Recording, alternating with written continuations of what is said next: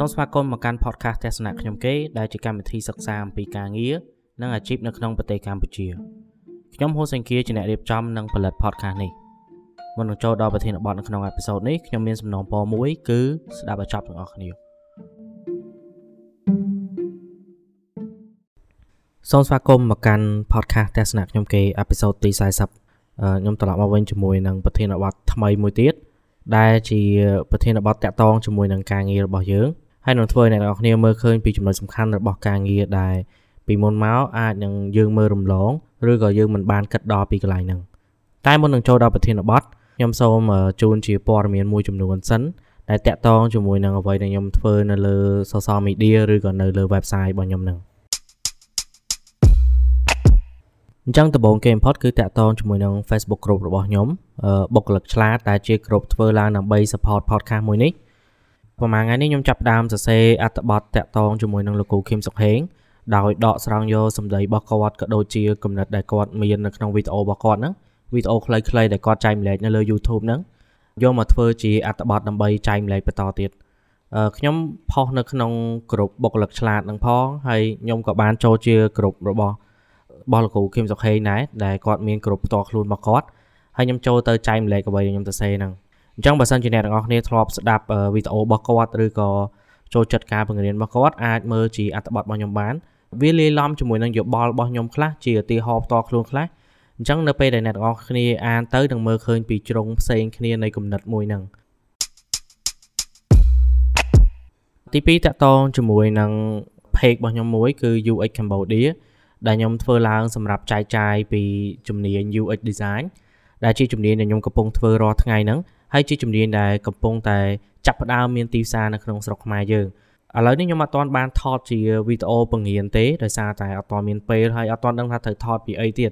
អញ្ចឹងខ្ញុំគ្រាន់តែចែកម្លែកជា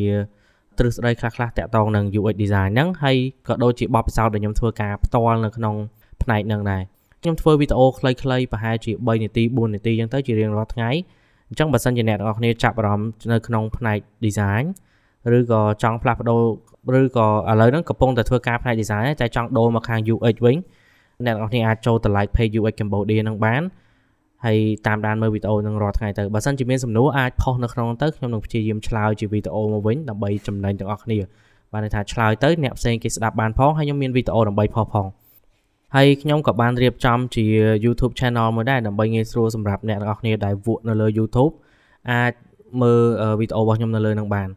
ហើយបើសិនជាពេលដែលខ្ញុំថតវីដេអូបង្រៀនការប្រើប្រាស់កម្មវិធី UX ហ្នឹងខ្ញុំប្រហែលជាផុសនៅលើ YouTube ច្រើនជាងនៅលើ Facebook ដោយសារតែ Facebook មិនមែនជា platform សម្រាប់ tutorial ឬក៏ការបង្រៀន tool អញ្ចឹងទេ Facebook ជាកន្លែងដែលយើងចែកចាយយោបល់ផ្ទាល់ខ្លួនឬក៏ព័ត៌មានផ្សេងៗអញ្ចឹងតាមដាននៅលើ YouTube របស់អ្នក subscribe ទៅបើសិនជាចូលមិន subscribe ក៏បានដែរខ្ញុំអត់ខ្វល់ទេចង់មើលរបៀបម៉េចក៏បានដែរសំខាន់ឲ្យតែចាប់អារម្មណ៍ជាមួយនឹងផ្នែកហ្នឹង ចូលទៅរៀននៅក្នុង UX design ហ្នឹងទៅទី3តាក់ទងជាមួយនឹងសភៅរបស់ខ្ញុំការអាប់ដេតសភៅបុគ្គលិកឆ្លាតឬក៏ខ្ញុំហៅថាទស្សនៈខ្ញុំគេភាគ2ឥឡូវហ្នឹងគឺខ្ញុំសរសេរតាមតបាន2ចំណុចទេហើយដំបូងខ្ញុំគិតថាផុសនៅក្នុងក្រុមដើម្បីគេជួយ edit ដែរប៉ុន្តែនៅពេលដែលខ្ញុំមើលទៅវាមិនសូវជាមានពាក្យខុសប្រហែលទេហើយបើសិនជាឲ្យពួកគាត់ edit មានតែ edit អត្ថន័យរបស់ខ្ញុំបន្ថែមអញ្ចឹងបើសិនជាពួកគាត់បន្ថែមបន្ថយយោបល់របស់គាត់ច្រើនពេកវាធ្វើឲ្យបាត់អត្ថន័យដើមរបស់ខ្ញុំដែលខ្ញុំចង់បដោតថាបុគ្គលិកឆ្លាតជាបុគ្គលិករបៀបម៉េចអញ្ចឹងប្រហែលជាខ្ញុំមិនតន់ផុសចូលទៅក្នុងក្រុមដើម្បីឲ្យពួកគាត់ edit ទេខ្ញុំអាចរងចាំតតែសរសេរឲ្យទាំងអស់ហ្មងទើបអាចផុសឲ្យពួកគាត់អានដើម្បីឲ្យគាត់ធ្វើការ review ហើយមុននឹងខ្ញុំដាក់ចេញផ្សាយនៅលើ website របស់ខ្ញុំឬក៏ page របស់ខ្ញុំហ្នឹងបាទអឺខ្ញុំអត់បោះពុំទេដោយសារតែនិយាយទៅខ្ញុំអត់ចូលចិត្តការបោះពុំទេ វាវាមាន process ច្រើនពេកហើយអឺវាខុសជាមួយនឹងឈ្មោះដែលខ្ញុំដាក់ទៀតខ្ញុំដាក់សាមញ្ញ e-book មិនមែនសាមញ្ញ book ទេ e-book ហើយខ្ញុំចូលចិត្តការ publish e-book ដោយសារវាងាយស្រួលទាំងសម្រាប់ខ្លួនខ្ញុំហើយសម្រាប់អ្នកដែលគេទិញយកទៅអានទៀតសម្រាប់ការ complain ដែលនិយាយថាមើលនៅលើទូរស័ព្ទដៃចុកភ្នែកអាហ្នឹងខ្ញុំមិនដឹងធ្វើម៉េចទេព្រោះគាត់មើល Facebook រាល់ថ្ងៃបានគាត់គួរតែអាចអានអ្វីដែលខ្ញុំសរសេរនៅលើនឹងបានដែរ អ្វីដែលខ្ញុំអាចធ្វើបានគឺខ្ញុំនឹងពង្រីក font អក្សរឲ្យធំជាងមុនហើយរៀបចំអា layout ឬក៏ format នៅក្នុងសភៅហ្នឹងឲ្យវាកាន់តែងាយស្រួលអានពេលដែលបើកមកគឺវាដូចអាននៅលើអ៊ីនធឺណិតចឹងខ្ញុំធ្វើបានតែប៉ុណ្្នឹងទេខាងគាត់គឺជាគាត់ជាអ្នករើសខ្លួនឯងបើសិនជាគាត់ចូលចិត្តសភៅដែលគេយកទៅ print គាត់អាចស្នើមកខាងខ្ញុំមកហើយបើខ្ញុំអូខេឲ្យ print អានក្រៅបានគឺគាត់ print ទៅតែមិនមែនជាការ print លក់ទេហើយខ្ញុំក៏អត់ចាញ់សភៅដើម្បី print លក់ដែរព្រោះវាហត់ខ្ញុំខ្លាំងពេក វាអត់ចំណេញប្រហែលហើយវាហត់ខ្លាំងទៀតទោះបីជាខ្ញុំសរសេរមិនមែនដើម្បីតែលុយមួយមុខក៏ដោយប៉ុន្តែបើសិនជាហត់ខ្លាំងពេកអត់មានផលចំណេញមកវិញក៏ខ្ញុំអត់អាចធ្វើទៅបានដែរខ្ញុំចង់ធ្វើឲ្យមួយដែលធ្វើម្ដងយើងអាចងាយស្រួលក្នុងការកែប្រែផងងាយស្រួលក្នុងការផ្សព្វផ្សាយផងការបោះពុំជាសភៅវាពិបាកខាងពេកសម្រាប់ខ្ញុំម្នាក់ឯងអញ្ចឹងអ្នកដែលបានកក់សភៅហើយអាចគិតឡើងវិញទៅថាចង់ទិញសភៅខ្ញុំជា e-book ឬក៏មិនចង់ទិញព្រោះព្រោះខ្ញុំអត់ដឹងធ្វើម៉េចទេអានេះខ្ញុំធ្វើបានតែប៉ុណ្្នឹងគឺខ្ញុំអាចធ្វើជាសភៅអេឡិចត្រូនិកបានអញ្ចឹងបន្ទាប់ពីហ្នឹងយើងចូលមកដល់ប្រធានបទថ្ងៃនេះប្រធានបទនៅក្នុងថ្ងៃនេះខ្ញុំលើកឡើងពីការងារពីរប្រភេទទី1ខ្ញុំហៅថាការងារដែលយើងមិនអាចដកខ្លួនបាន ទី2គឺការងារដែលយើងមិនអាចចែកដាច់ពីខ្លួនយើងការងារទាំងពីរប្រភេទនេះបើសិនជាយើងស្ដាប់មួយផ្លែទៅវាអត់សូវមានអីខុសគ្នាទេមួយគឺជាការងារដែលនៅជាប់ជាមួយនឹងខ្លួនយើងរហូតមួយទៀតគឺជាការងារដែលយើងអាចដកខ្លួនចេញពីវាបាន អញ្ចឹងខ្ញុំចាប់ផ្ដើមពីការងារដែលយើងមិនអាចដកខ្លួនចេញបានវិញការងារប្រភេទនេះវាអត់ប្រកាន់តួនាទីទេជួនកាលតួនាទីយើងគឺខ្ពស់ពេលខ្លះទៀតតួនាទីយើងគឺថ្នាក់ក្រោមអ្នកដែលគេធ្វើការខ្ពស់គេត្រូវការចំណាយពេលច្រើននៅក្នុងស្ថាប័នដើម្បីមើលការខុសត្រូវអ្នកដែលធ្វើការនៅខាងក្រោមហើយអ្នកដែលធ្វើការនៅខាងក្រោមនោះមិនអាចដកខ្លួនបានដោយសារតែបើសិនជាពួកគាត់មិនទៅធ្វើការទេ ពួកគាត់អត់មានបានជួយជាលទ្ធផលអីដល់ក្រុមហ៊ុនក្រុមហ៊ុនក៏មិនដឹងជាមានហេតុផលអីដើម្បីទុកគាត់នៅក្នុងក្រុមដែរអញ្ចឹងទាំងថ្នាក់លើនិងថ្នាក់ក្រោមដែលមានការងារប្រភេទនេះពួកគាត់ទៅធ្វើការដូចជាការដាក់កំហិតលើខ្លួនឯងអញ្ចឹងត្រូវតែបខំថាគាត់ត្រូវតែទៅធ្វើការបើសិនជាមិនទៅគឺមិនកើតបើសិនជាមិនទៅការងារនឹងមិនធ្វើមិនចេញការងារប្រភេទហ្នឹងវាធ្វើឲ្យបាត់បង់សេរីភាពនៅខាងក្រៅរបស់បុគ្គលិកក្នុងនាមយើងជាបុគ្គលិក ហើយអត្តន័យរបស់វាក៏មិនសូវមានដែរព្រោះយើងអាចអាចឲ្យអត្តន័យទៅលើការងារដែលបខំយើងបានទេបើសិនជាយើងមិនចង់ទៅទោះបីជាយើងឈឺគឺនៅតែទៅដែរអ្នកទាំងអស់គ្នាប្រកាសជាធ្លាប់ជួបបុគ្គលិកប្រភេទហ្នឹងហើយសូម្បីតែខ្លួនគាត់ឈឺក៏គាត់នៅតែតដទៅធ្វើការដែរព្រោះអត់គាត់អត់បានគាត់ត្រូវតែទៅធ្វើការងារប្រភេទទី2គឺការងារដែលយើងមិនអាចចែកខ្លួនដាច់ ការងារប្រភេទនេះអត់មានអ្នកណាមកបខំយើងទេគឺយើងដាក់ចិត្តធ្វើដោយខ្លួនឯងដោយសារតែយើងជក់ខ្យល់ជាមួយវាឬភាសាអង់គ្លេសគេប្រើពាក្យ obsession បានន័យថាយើងអត់ពីវាអត់បានយើងអាចចែកខ្លួនយើងឲ្យដាច់ពីការងារនឹងបានទេខ្ញុំឧទាហរណ៍មួយការងារនៅក្នុងផ្នែក design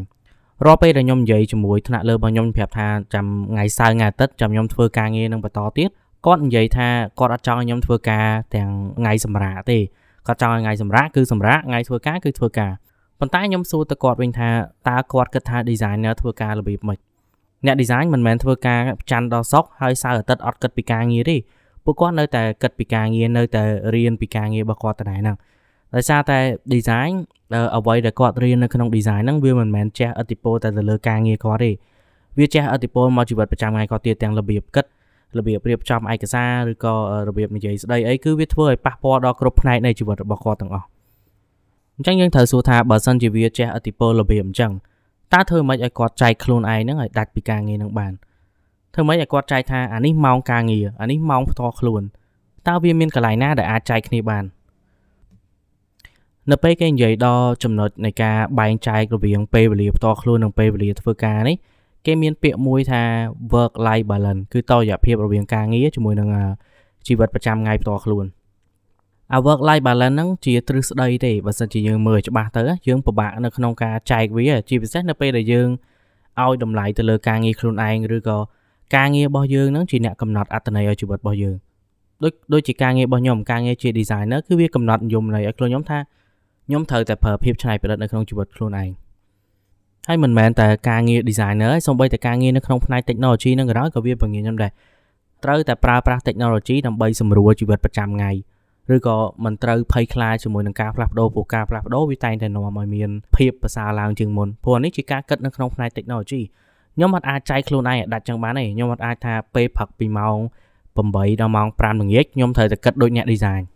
ដល់ពេលដែលខ្ញុំត្រឡប់មកផ្ទះវិញខ្ញុំត្រូវតែគិតដូចមនុស្សធម្មតាម្នាក់នៅផ្ទះគឺវាទៅអត់រួចទេការងារហ្នឹងគឺនៅតាមជាប់ខ្លួនខ្ញុំរហូតហើយខ្ញុំក៏អាចចែកខ្លួនឯងដាច់ដែរខ្ញុំមិនមែនធ្វើ designer 8ម៉ោង ពេលដែលចាប់8ម៉ោងខ្ញុំទៅជាមនុស្សធម្មតាទេខ្ញុំនៅតែជា designer ដដែលហើយខ្ញុំនៅតែគិតពីការងាររបស់ខ្ញុំទៅដែរជួនកាលទោះបីជាខ្ញុំមិនធ្វើការងារអីសោះក៏ខ្ញុំអង្គុយអានអត្ថបទដែលគេសរសេរតាក់ទងជាមួយនឹងការងារហ្នឹងដែរសូម្បីតែរៀនក៏ខ្ញុំរៀនតាក់ទងជាមួយនឹងការងារខ្ញុំដែរតើឲ្យខ្ញុំទៅចែកពេលវេលានឹងរបៀបម៉េចសម្រាប់ខ្ញុំការងារប្រភេទទី2នេះយើងអាចមានតលយៈភាពបានទេយើងត្រូវធ្វើយ៉ាងណាដាក់បញ្ចូលវាមកក្នុងជីវិតរបស់យើងហើយកុំព្យាយាមរុញវាចេញ លាយឡំវាបញ្ចូលគ្នាទៅជីវិតប្រចាំថ្ងៃជាមួយនឹងការងារយើងគឺវាវារួមគ្នាហើយការធ្វើបែបនេះវាអាចជួយយើងទីមួយគឺយើងអត់សូវ stress ពីការងារទេបើសិនជាពេលព្រឹកយើងរវល់យើងអាចទៅយើងអាចធ្វើការងារដែលយើងរវល់នៅផ្ទះហ្នឹងសិនទៅ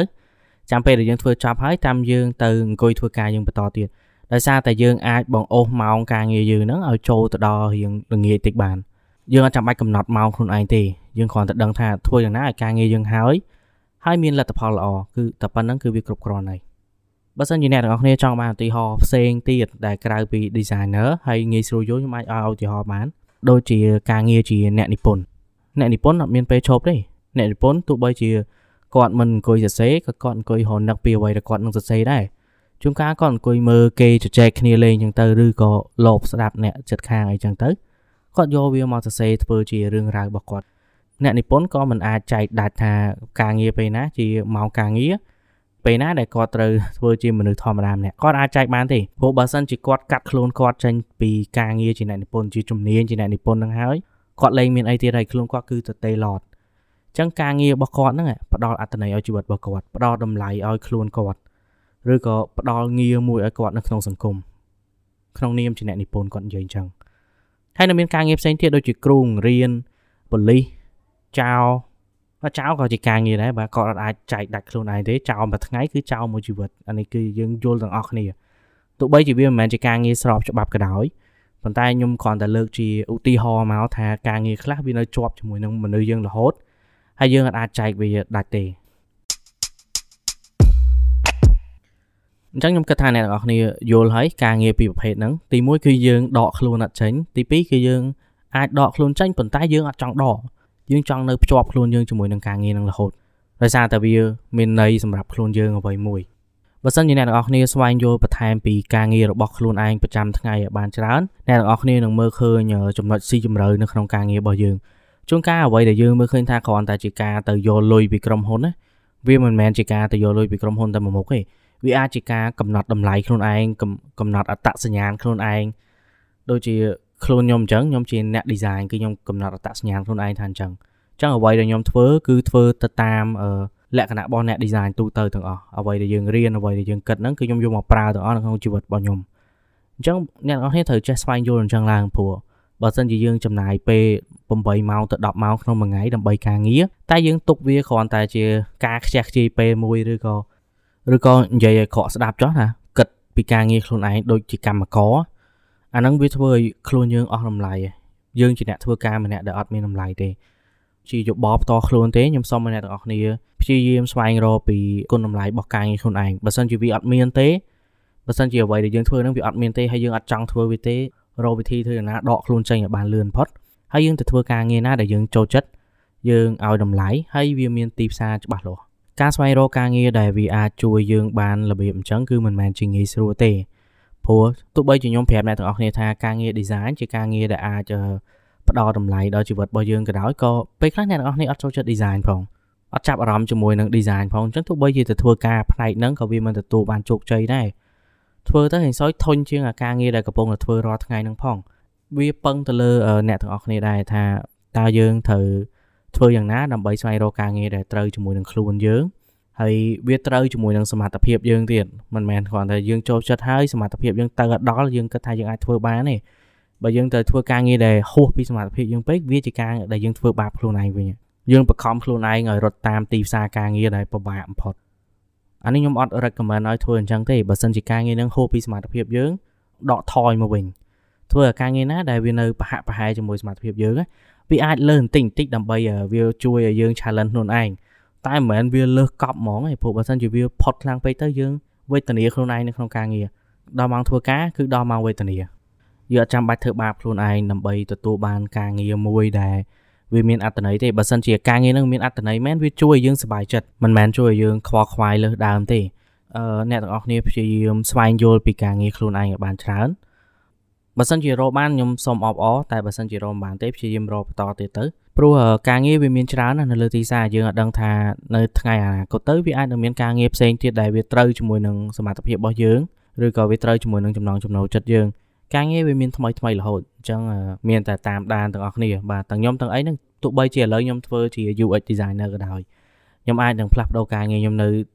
2 3ឆ្នាំទៀតក៏ថាបានដែរបើសិនជាមានការងារថ្មីណាទៀតដែលចូលមកហើយខ្ញុំមើលទៅវាទំនង ហើយវាត្រូវជាមួយនឹងអ្វីដែលខ្ញុំចង់បានខ្ញុំអាចនឹងបដូរទៅរៀនអានឹងវិញគេអត់ប្រកាន់ទេថាយើងបដូរការងារប្រហែលដងសំខាន់គឺយើងច្បាស់លាស់ជាមួយការងារហ្នឹងនៅពេលដែលយើងបដូរហ្នឹងយើងច្បាស់លាស់ថាហ្នឹងហើយយើងដាក់ចិត្តធ្វើបានមិនមែនថាឲ្យតែគេដូរឃើញអាណាតំណងដូរទៅដែរអាធ្វើអញ្ចឹងគឺការទេយើងដេញចាប់ការងារយើងមិនដេញចាប់អាជីពទេ